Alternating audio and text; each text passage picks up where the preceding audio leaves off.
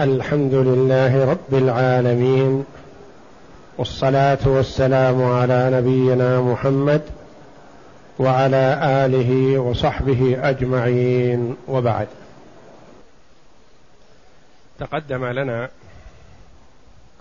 شيء من أحكام العصبة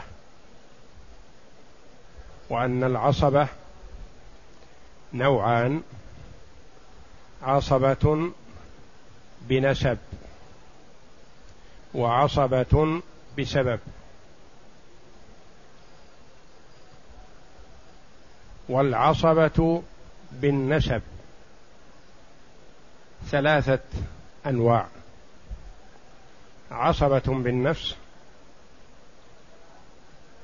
وعصبة بالغير وعصبة مع الغير.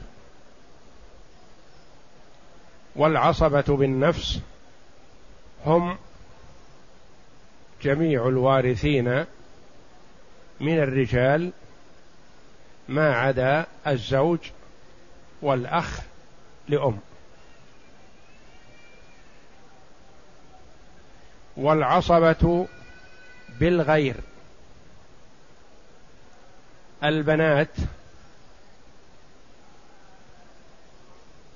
مع الأبناء وبنات الإبن مع إخوانهن أو بني أعمامهن الذين هم في درجتهن أو أنزل منهن إن احتجن إليه.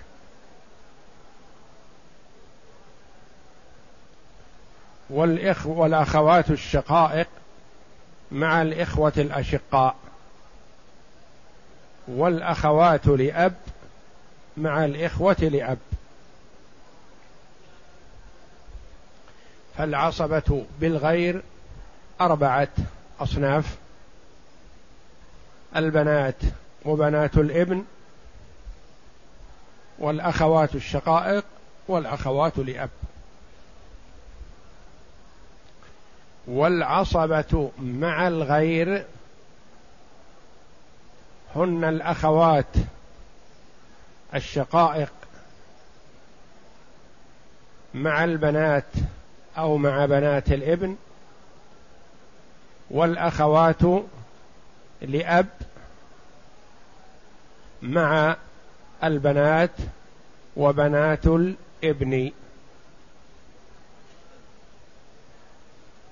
والأخوات إن تكن بنات فهن معهن معصبات. هؤلاء هم العصبة بالنسب يعني بالقرابة.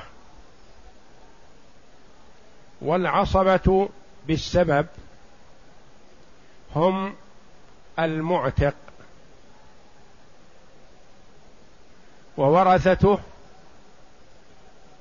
المتعصبون بأنفسهم لا بغيرهم ولا مع غيرهم. المؤلف رحمه الله يسأل يقول إذا اجتمع عصبة بنسب وعصبة بسبب فمن يقدم؟ وما هو ترتيب العصبة بالسبب؟ وما هي القواعد التي تبنى عليها غالب أحكام الإرث بالولاء.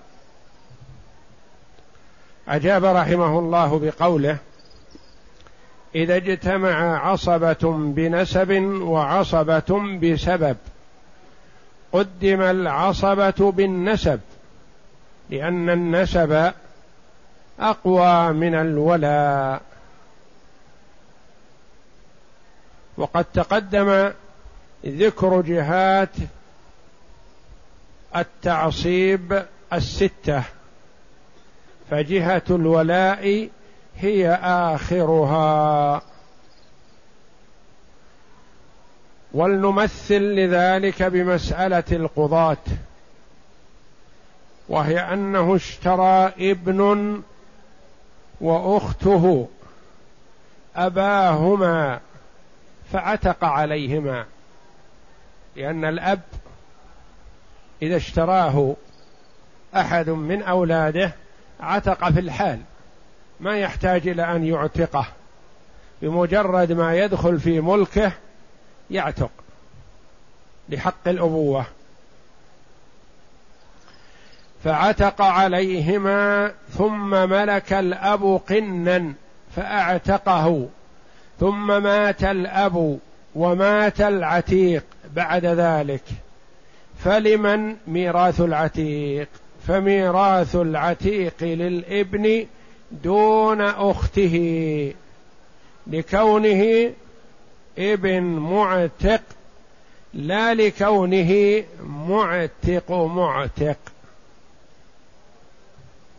لأن جهة البنوة مقدمة على الولاء وتسمى هذه المسألة مسألة القضاة لأنه أخطأ فيها أربعمائة من القضاة.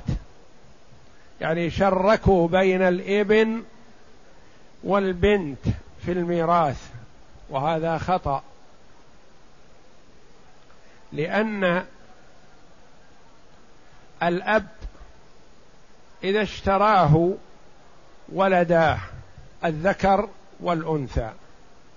عتق عليهما. الأب بعدما عتق اشترى رقيق. ثم اعتقه. ثم مات الأب قبل عتيقه. ثم مات العتيق بعد ذلك. من يرثه؟ عندنا ابن معتق. ومعتق معتق. وبنت معتق. ومعتقة معتق. يعني الولد الابن والبنت اعتقوا أباهم وأبوهم أعتق هذا الرقيق. فيدلون عليه بجهتين من جهات الولاء. من جهات التعصيب. إذا قلنا ابن معتق فالأخت ما تشارك. لأن بنت المعتق ما له شيء. لأن الميراث لعصبة المعتق المتعصبون بأنفسهم لا بغيرهم والبنت بغيرها. وعندنا جهة سادسة هي معتق معتق. والأخت مثله. معتقة معتق.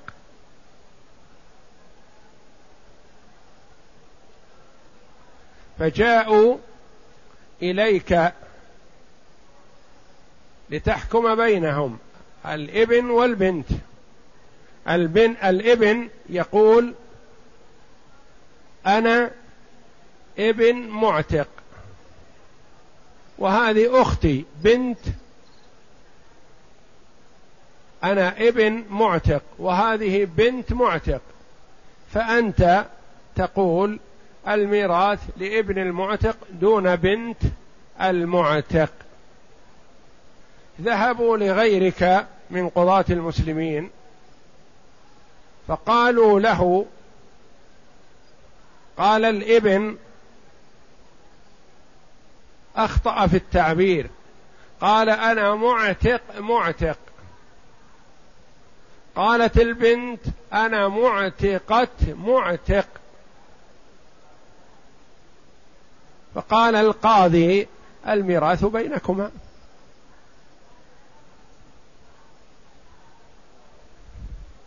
معتقة معتق ومعتق معتق. الميراث بينهم. لأن كلاهما معتق فالميراث بينهم بالسوية. لا يميز واحد على الآخر ما دام مشتركين في العتق بالنصف. الولاء لهم مناصفة. فقالوا كيف هذا الخلاف؟ الأول قال الميراث لك دون أختك. والثاني قال الميراث بينك وبين أختك بسبب سؤالهم. هذا الاختلاف. الأول قال أنا ابن معتق. والثا وقالت البنت أنا بنت معتق. قال بنت المعتق ما له شيء.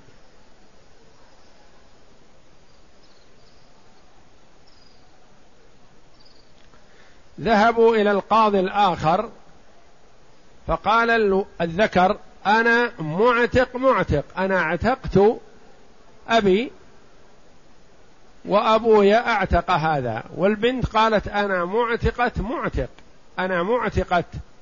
سيد هذا وهذا شيء أعتق هذا الرقيق الذي عتق. فقال الميراث بينكما لأن كل واحد منكم لك هو معتق معتق. ذهبوا إلى قاض ثالث. يعرض عليه اختلاف القاضيين. فقال اشرحوا لي وضعكم. قالوا هذا الذي عندنا. ما زدنا ولا نقصنا. قال اذا أخطأتم أنتم في عرض مسألتكم على القاضي الثاني. فهما يدليان بالنسبة لهذا الرقيق المعتق بجهتين من جهات الولاء. جهة البنوة والبنت ما تشارك. جهة الولاء والبنت تشارك. بقي عندنا الاختلاف في الجهتين. أيهما نأخذ بها؟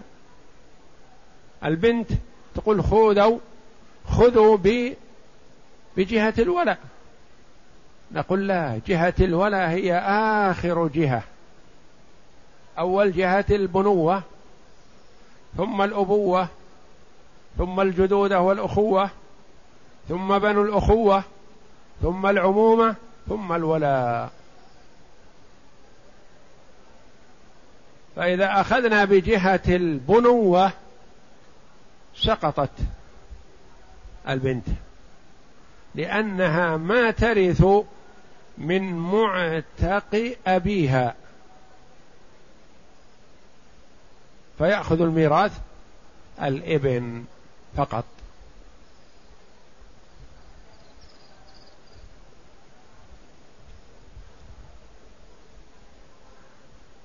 أما ترتيب العصبة بالنسبة بالسبب وجهاتهم وأحكامهم فكالعصبة بالنسب.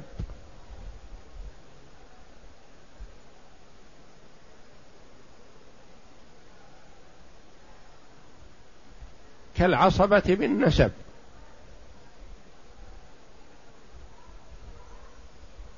جاءك اثنان. يقول أحدهم أنا أب معتق. والآخر يقول أنا جد معتق.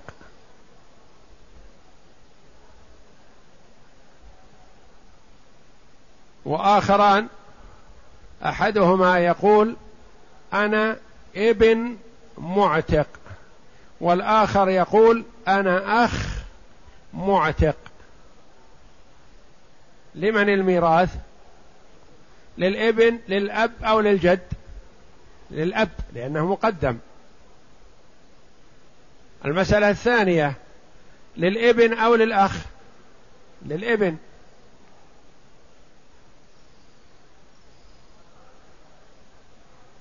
مسألة ثالثة. آخر يقول أنا أخ معتق. والآخر يقول أنا عم معتق. لمن الميراث؟ لأخ المعتق. مسألة أخرى. يقول أنا ابن أخ معتق. والثاني يقول أنا عم معتق. واحد يقول المعتق عمي. والآخر يقول أنا عم المعتق. وما علمت أن عم الرجل يصن أبيه؟ فيقول أنا عم المعتق. والثاني يقول أنا المعتق عمي. فلمن تعطي المال؟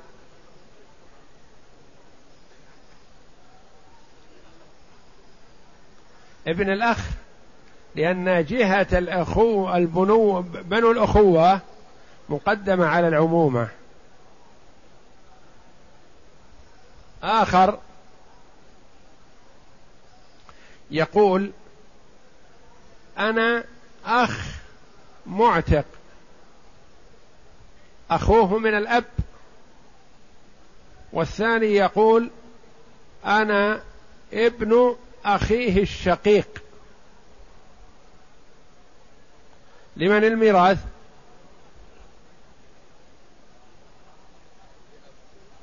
للأخ لأب لأن درجته أقرب.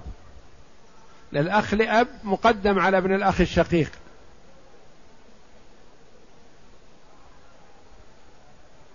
آخر مسألة يقول أنا عم المعتق.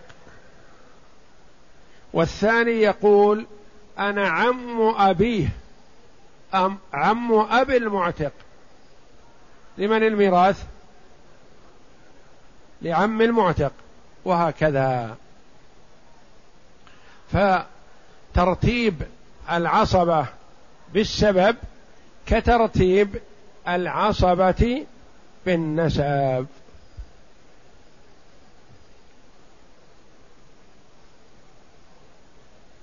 وأما القواعد التي تبنى عليها غالب أحكام الإرث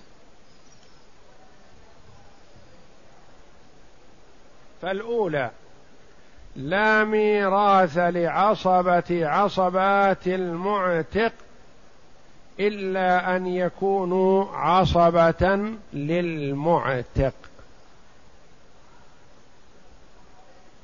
لا ميراث لعصبة عصبات المعتق. إلا أن يكونوا عصبة للمعتق. مثال ذلك يقول إذا تزوجت المعتقة من غير قبيلتها. بأجنبي يعني من غير بني عمومتها. فأتت منه بولد فابنها عصبتها. وعصبات ابنها أجانب منها ليسوا لها بعصبة. فلو مات ابن المعتقة بعدها من عن أبيه مثلا ثم عمه ثم مات عتيقها عنهم فميراثها لأقرب عصباتها لا لعصبة ابنها. لأن الولاء لا يورث. إيضاح ذلك امرأة أعتقت رقيقا.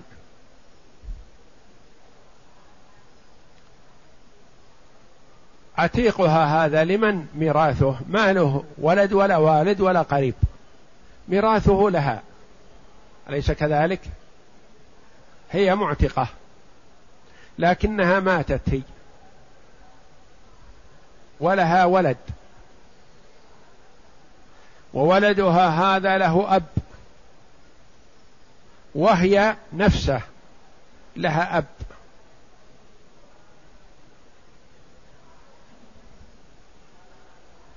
لو مات العتيق في حياة ابنها لمن يكون ميراثه لابنها.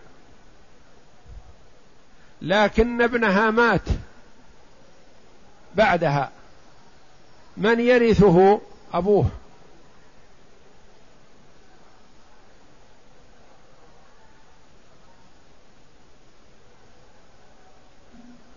مات عتيق الأم. فجاء أبو ابنها يريد المال يقول أنا عصبة الوارث لو كان موجود لكنه مات. وجاء أبوها يقول أنا عصبة المعتقة. فلمن الميراث؟ لأبي الولد أو لأبي الأم؟ لأبي الأم. لأنه عصبة معتقة. وهذا عصبة عصبة معتقة. مثال آخر.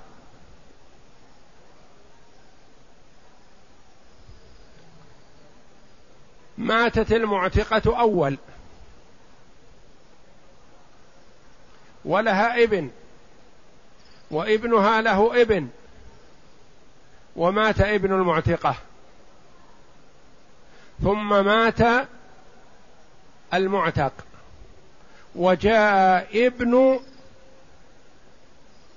ابن المعتقة وجاء أبوها. الولد الصغير يقول أنا ابن ابن معتقة.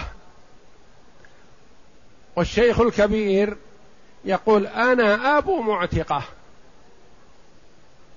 فلمن الميراث؟ لابن الابن. لأنه عصبة للمعتقة مقدم. لا ميراث لعصبة عصبات المعتق إلا أن يكونوا عصبة للمعتق. فابن الابن هذا عصبة للمعتق. يعني عصبة لابن المعتقة وعصبة للمعتقة نفسها لأنه ابن ابنها فهو مقدم على أبيها. واضحة هذه؟ لا ميراث لعصبة عصبات المعتق الذي هو أبو ابن المعتقة هو عصبته لكن لا ميراث له لأنه ليس عصبة للمعتقة. إلا أن يكونوا عصبة للمعتقة كابن ابن المعتقة لأنه عصبة لعصبة المعتقة وعصبة للمعتقة نفسها.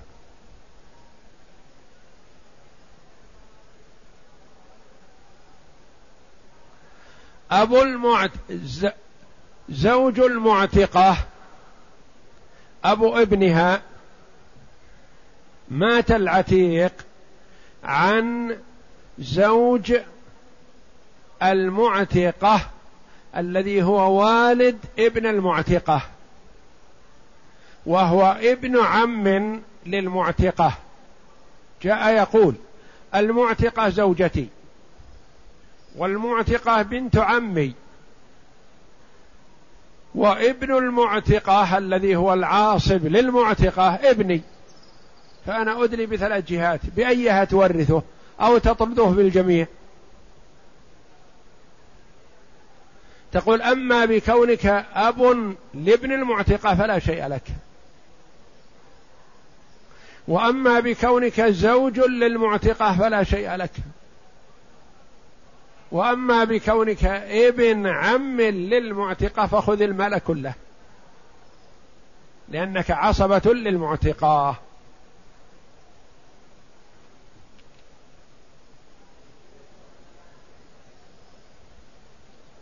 القاعدة الثانية. لا ميراث لمعتق عصبات المعتق إلا من أعتق أباه أو جده. لا ميراث لعصبة عصبات المعتق. لا ميراث لمعتق. عصبات المعتق. إلا من أعتق أباه أو جده. مثال.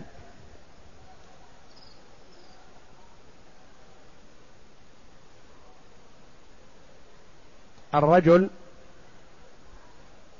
هذا اعتقه زيد. ومات زيد. فجاءنا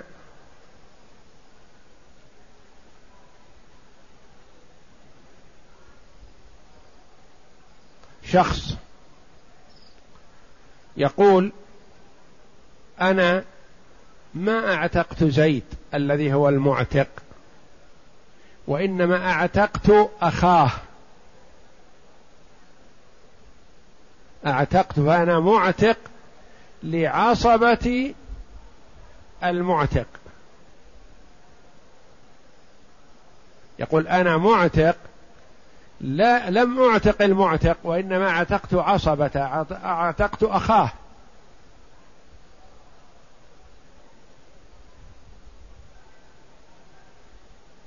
فأراد الميراث هل له ميراث؟ لا. نقول أنت أعتقت عصبة المعتق فلا ميراث لك.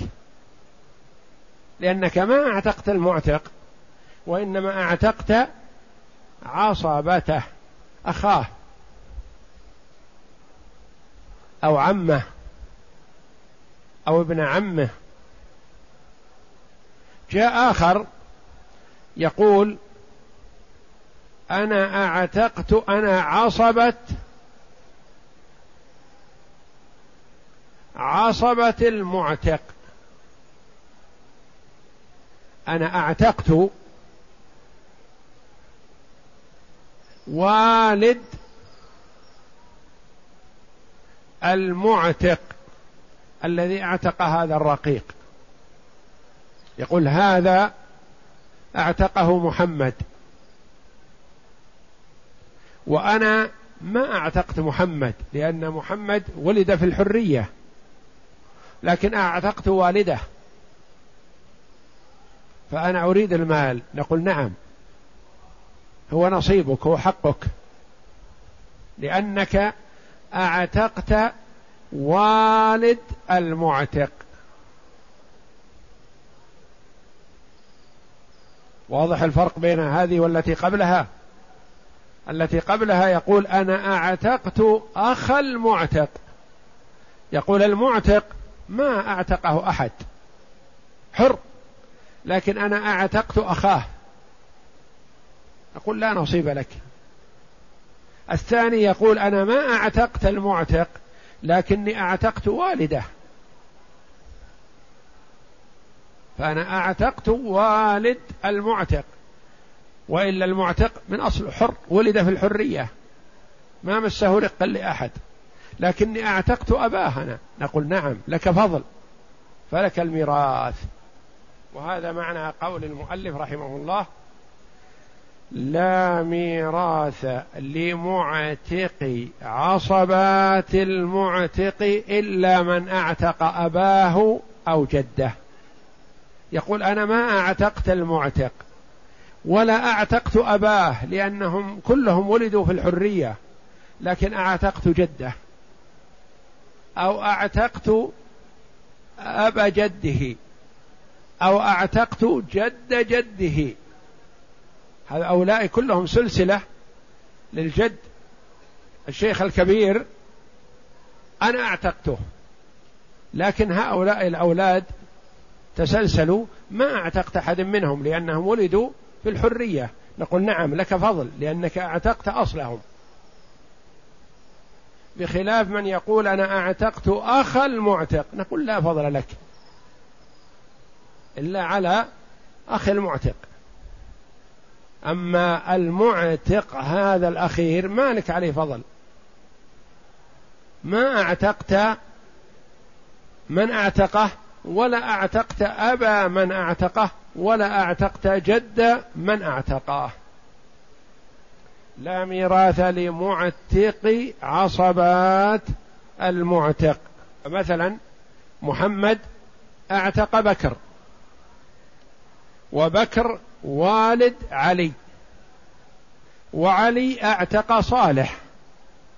ففي هذه الحال يرث لأنه أعتق والد المعتق. والد من أعتق والد المعتق أو أعتق جد المعتق ورث. ومن أعتق أخ المعتق فلا يرث.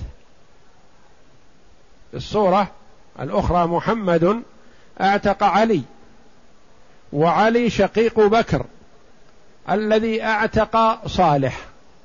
ففي هذه الحال لا يرث محمد شيء لأن محمد أعتق علي وعلي شقيق لبكر المعتق. بخلاف الثانية محمد أعتق بكر وبكر والد علي. وعلي والد علي يرث في هذه الحال. وأما محمد أعتق علي وعلي شقيق لبكر وبكر أعتق فلا ميراث. القاعدة الثالثة لا يرث النساء بالولاء. إلا من اعتقن أو أعتقه من اعتقن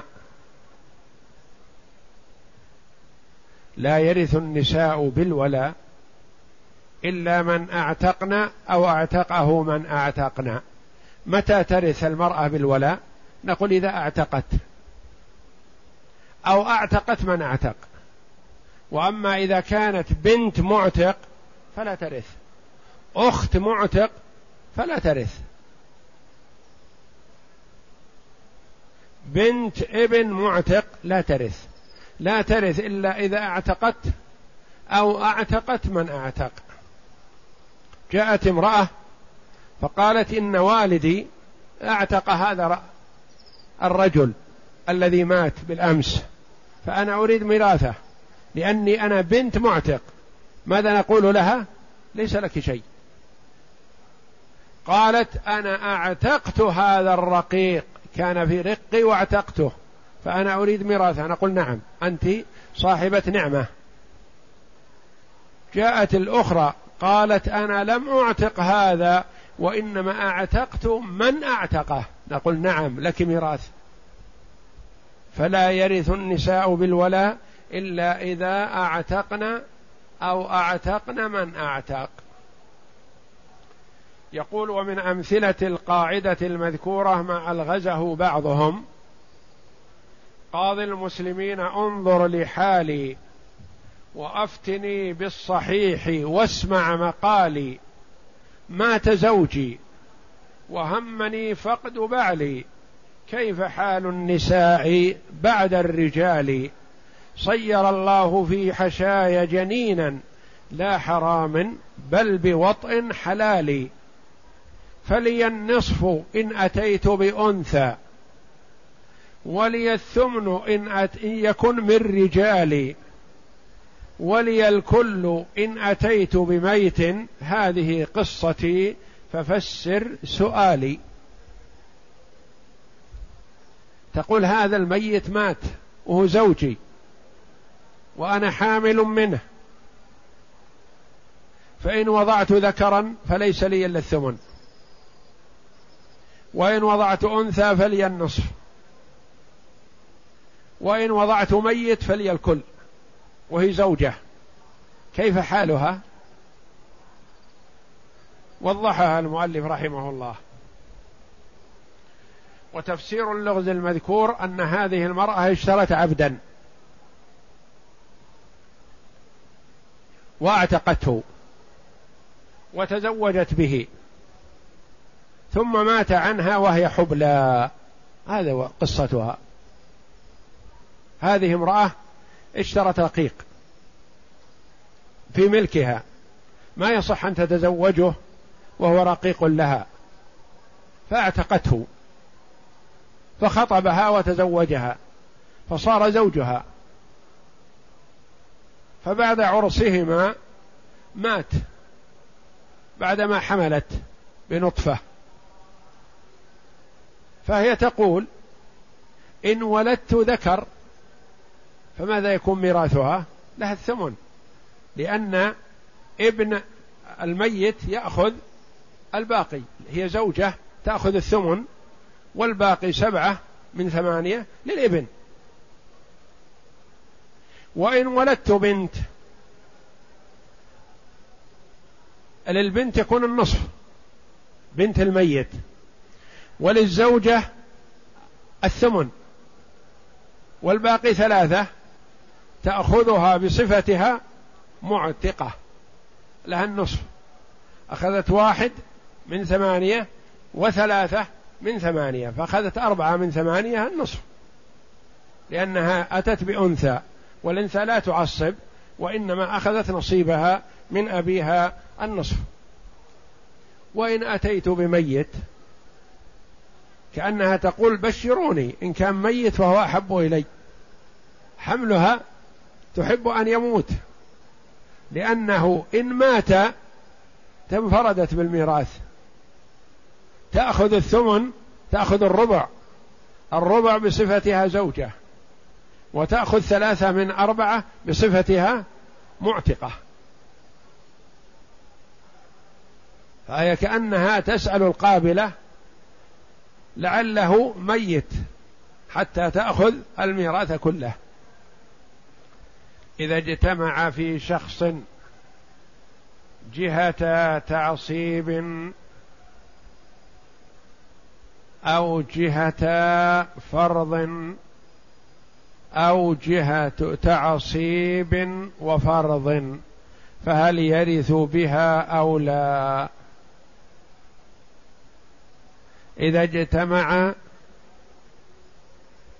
في شخص جهة تعصيب ورث بالجهة المتقدمة. إذا اجتمع فيه جهة تعصيب ورث بالجهة المتقدمة فقط. كأن يكون ابن معتق ومعتق معتق.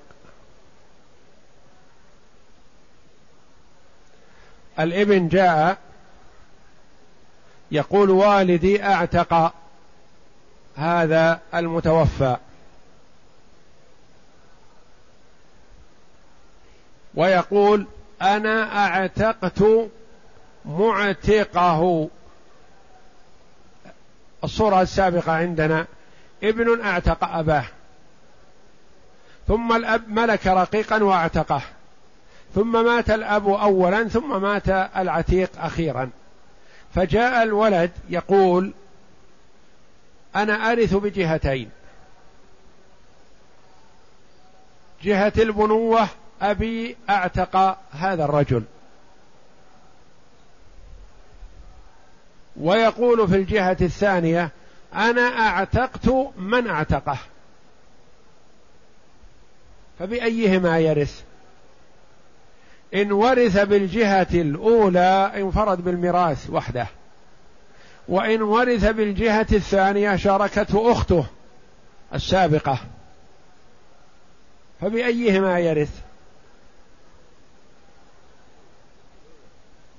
قد يذهب إلى من فيه رحمة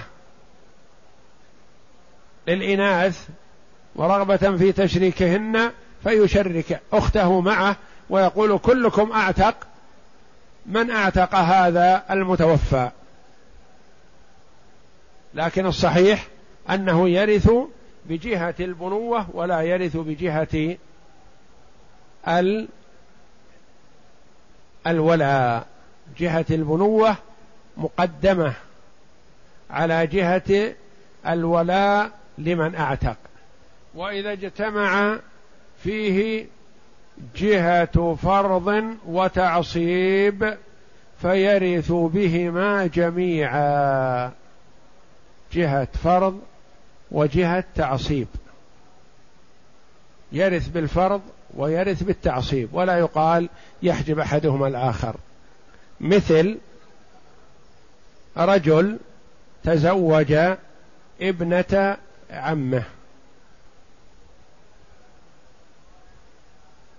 تزوج ابنة عمه.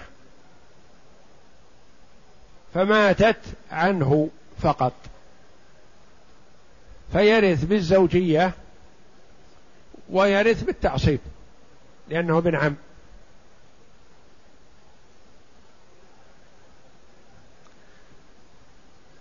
هالك عن بنت وأب. فالأب يرث بالفرض ويرث بالتعصيب. يرث بالفرض السدس لوجود الفرع الوارث ويأخذ الباقي تعصيبا. هلك هالك عن بنت وجد. للبنت النصف وللجد السدس فرضا ويأخذ الباقي تعصيبا.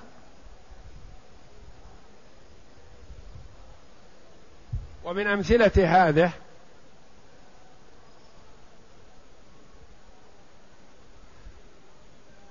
قول السائل ثلاثة أخوة لأب وأم وكلهم إلى خير فقير يعني في حاجة.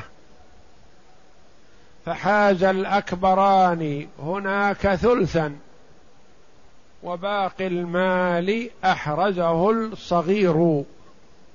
ثلاثة إخوة أشقاء من أم وأب. مات عنهم امرأة. الكبير أخذ السدس والكبير الثاني أخذ السدس والصغير أخذ الثلثين. ما قصتها؟ نعم. الصغير هو الزوج. أخذ النصف بالزوجية. وشارك إخوته في النصف الآخر تعصيبا لكونهم أبناء عم. فأخذ ثلث النصف الثاني. ماذا يكون سدس؟ مع النصف الأول يكون له الثلثين ولإخوته لكل واحد سدس. لأنه أخذ النصف فرضا وأخذ ثلث الباقي تعصيبا. فصار له الثلثان. وتفسيره أن ثلاثة إخوة أشقة تزوج أحدهم بنت عمهم فماتت عنهم فللزوج النصف والباقي لهم جميعا ورؤوسهم ثلاثة فله ثلث الباقي مع النصف فيكون ثلثان والمسألة تصح من ستة ولإخوانه الثلث. لإخوان لكل واحد السدس وله ثلاثة من ستة. وأما إذا اجتمعا فيه جهة فرض فيرث بهما إن لم تحجب إحداهما الأخرى. فإن حجبت إحداهما الأخرى ورث بالحاجبة دون المحجوبة ويتصور هذا في نكاح المجوس وفي الوطء بشبهة. ومثاله في نكاح المجوس لو خلف أمه وهي أخته. في نكاح المجوس يأتي يقول هذه المتوفاة أمي وهي أختي. فأنا أريد الميراث بالأمومة وأريد الميراث بكون ابنا لها وبكون أخا لها. وذلك كأن ينكح الرجل ابنته. فتنجب من أبيها ولد. ماذا تكون صلة قرابتها لهذا الابن؟ هذا ابنها.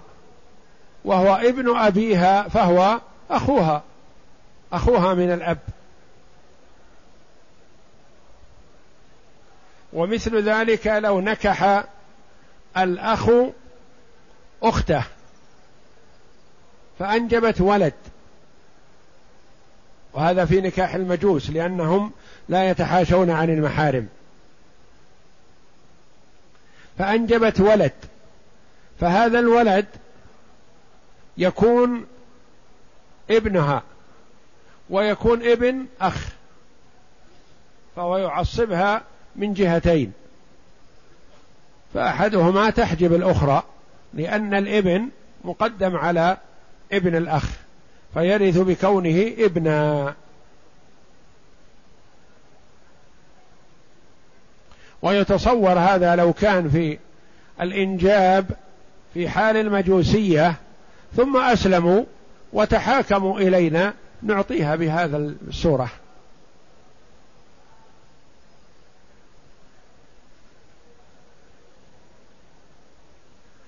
يقول رحمه الله إلى كم قسم ينقسم الورثة بالنسب بالنسبة إلى الإرث بالفرض أو التعصيب. فقال ينقسمون إلى أربعة أقسام. القسم الأول يرث بالفرض فقط لا يمكن يكون عصبة. وهم الأم وولداها يعني الأخ لأم والأخت لأم. والزوجان والجدتان من قبل الأب ومن قبل الأم. هؤلاء لا يرثون إلا بالفرض. القسم الثاني يرث بالتعصيب فقط وضابطهم كل عصبة بنفسه غير الأب والجد. الأب والجد لهم أحكام أخرى. هؤلاء لا يرثون إلا بالتعصيب فقط. وهم الإبن وابن الإبن وإن نزل والأخ الشقيق والأخ لأب وابن الأخ الشقيق وابن الأخ لأب والعم الشقيق والعم لأب وابن العم الشقيق وابن العم لأب والمعتق والمعتقة. اثنى عشر. لا يرثون إلا بالتعصيب فقط. القسم الثالث يرث بالفرض تارة وبالتعصيب تارة ويجمع بينهما تارة وهم اثنان الأب والجد. مثال ذلك هلك هالك عن أب. المال لمن؟ للأب. ورث بالتعصيب فقط. وبالفرض تارة. هلك هالك عن أب وإبن. الأب له فرض فقط له السدس والباقي للإبن. ويجمع بينهما تارة. هلك هالك عن بنت وأب. فالبنت لها النصف والأب له السدس فرضا وله الباقي تعصيبا. القسم الثالث من يرث بالفرض تارة وبالتعصيب تارة ويجمع بينهما تارة وهما اثنان الأب والجد. ومثالها واضح. القسم الرابع من يرث بالفرض تارة وبالتعصيب تارة ولا يجمع بينهما. وهم أربعة. البنات وبنات الإبن والأخوات الشقائق والأخوات لاب يرثن كل واحدة منهن بالفرض تارة وبالتعصيب تارة ولا تجمع بينهما. هلك هالك عن بنت وعم. المسألة من اثنين للبنت النصف فرضا وللعم الباقي. تعصيبا. هذه ورثت بالفرض. هلك هالك عن ابن وبنت. المسألة من ثلاثة. للابن اثنين وللبنت واحد. وهنا ورثت بالتعصيب. لأنها عصبة بالغير. ولا تجمع بين الفرض والتعصيب. إما فرض وإما تعصيب. مثله الأخت. هلك هالك. عن أخ وأخت. أشقاء. أخ وأخت. لأب. ابن ابن وبنت ابن. المسألة كلها هذه من عدد رؤوسهم. فهي أخذت البنت هنا بالتعصيب. هلك هالك. عن أخت وعم عن بنت ابن وعم عن أخت لأب وعم. المسألة من اثنين لها النصف فرضا وللعم الباقي تعصيبا.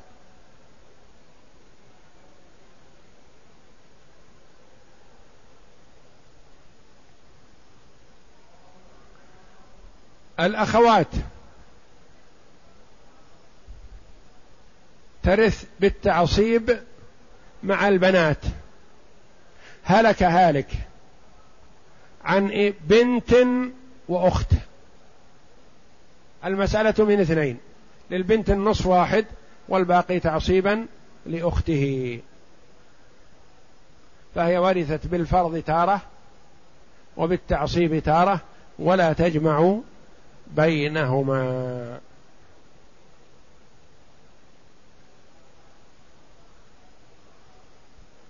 اقسم.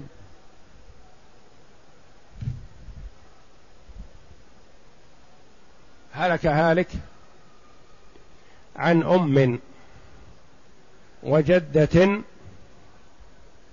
وثلاثة أعمام.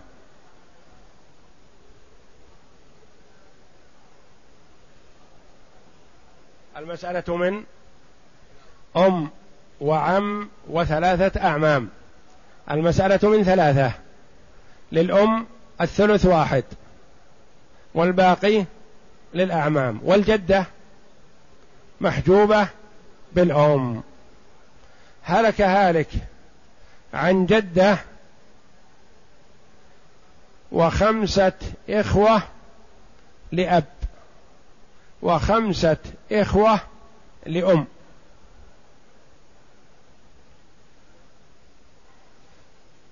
المسألة من ستة. للجدة السدس واحد. وللإخوة لأم الخمسة الثلث اثنان. والباقي ثلاثة للإخوة لأب. هلك هالك عن أب وبنت وأخ شقيق.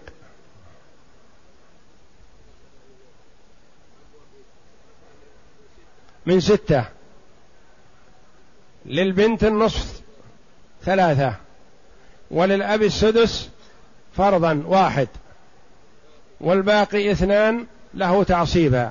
والأخ شقيق ما له شيء لأنه محجوب بالأب.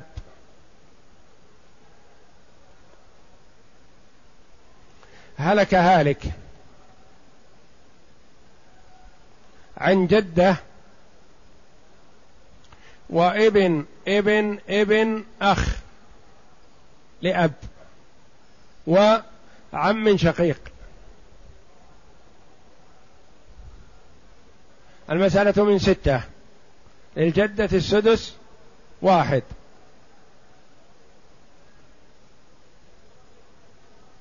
والباقي لابن ابن ابن الأخ لأب دون العم الشقيق لأنه مقدم عليه في الجهة.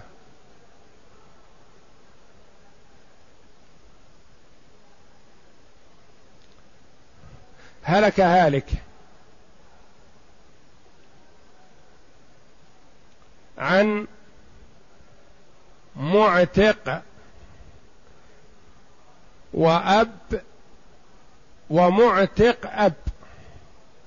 جاء اثنان يقول أحدهما أنا اعتقت هذا المتوفى والآخر يقول أنا اعتقت أصله أنا اعتقت أباه فلمن الميراث؟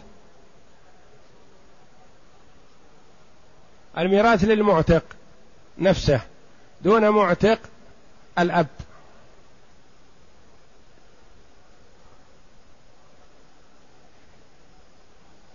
هلك هالك.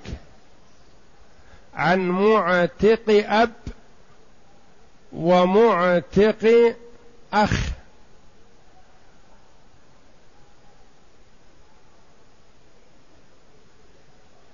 المال لمعتق الأب. هناك حرمتموه لما؟ لأنه وجد معتق له مقدم على معتق أبيه. هلك هالك. عن معتق أب ومعتق ابن. جاء رجلان. يقول أنا أعتقت ابا هذا الميت. والآخر يقول أنا أعتقت ابن هذا الميت. وكلهم عصبة. معتق الأب أما معتق الابن ما له فضل على السابق. يقول لا فضل لك علي حتى ترثني أو ترث من أعتقته. والله أعلم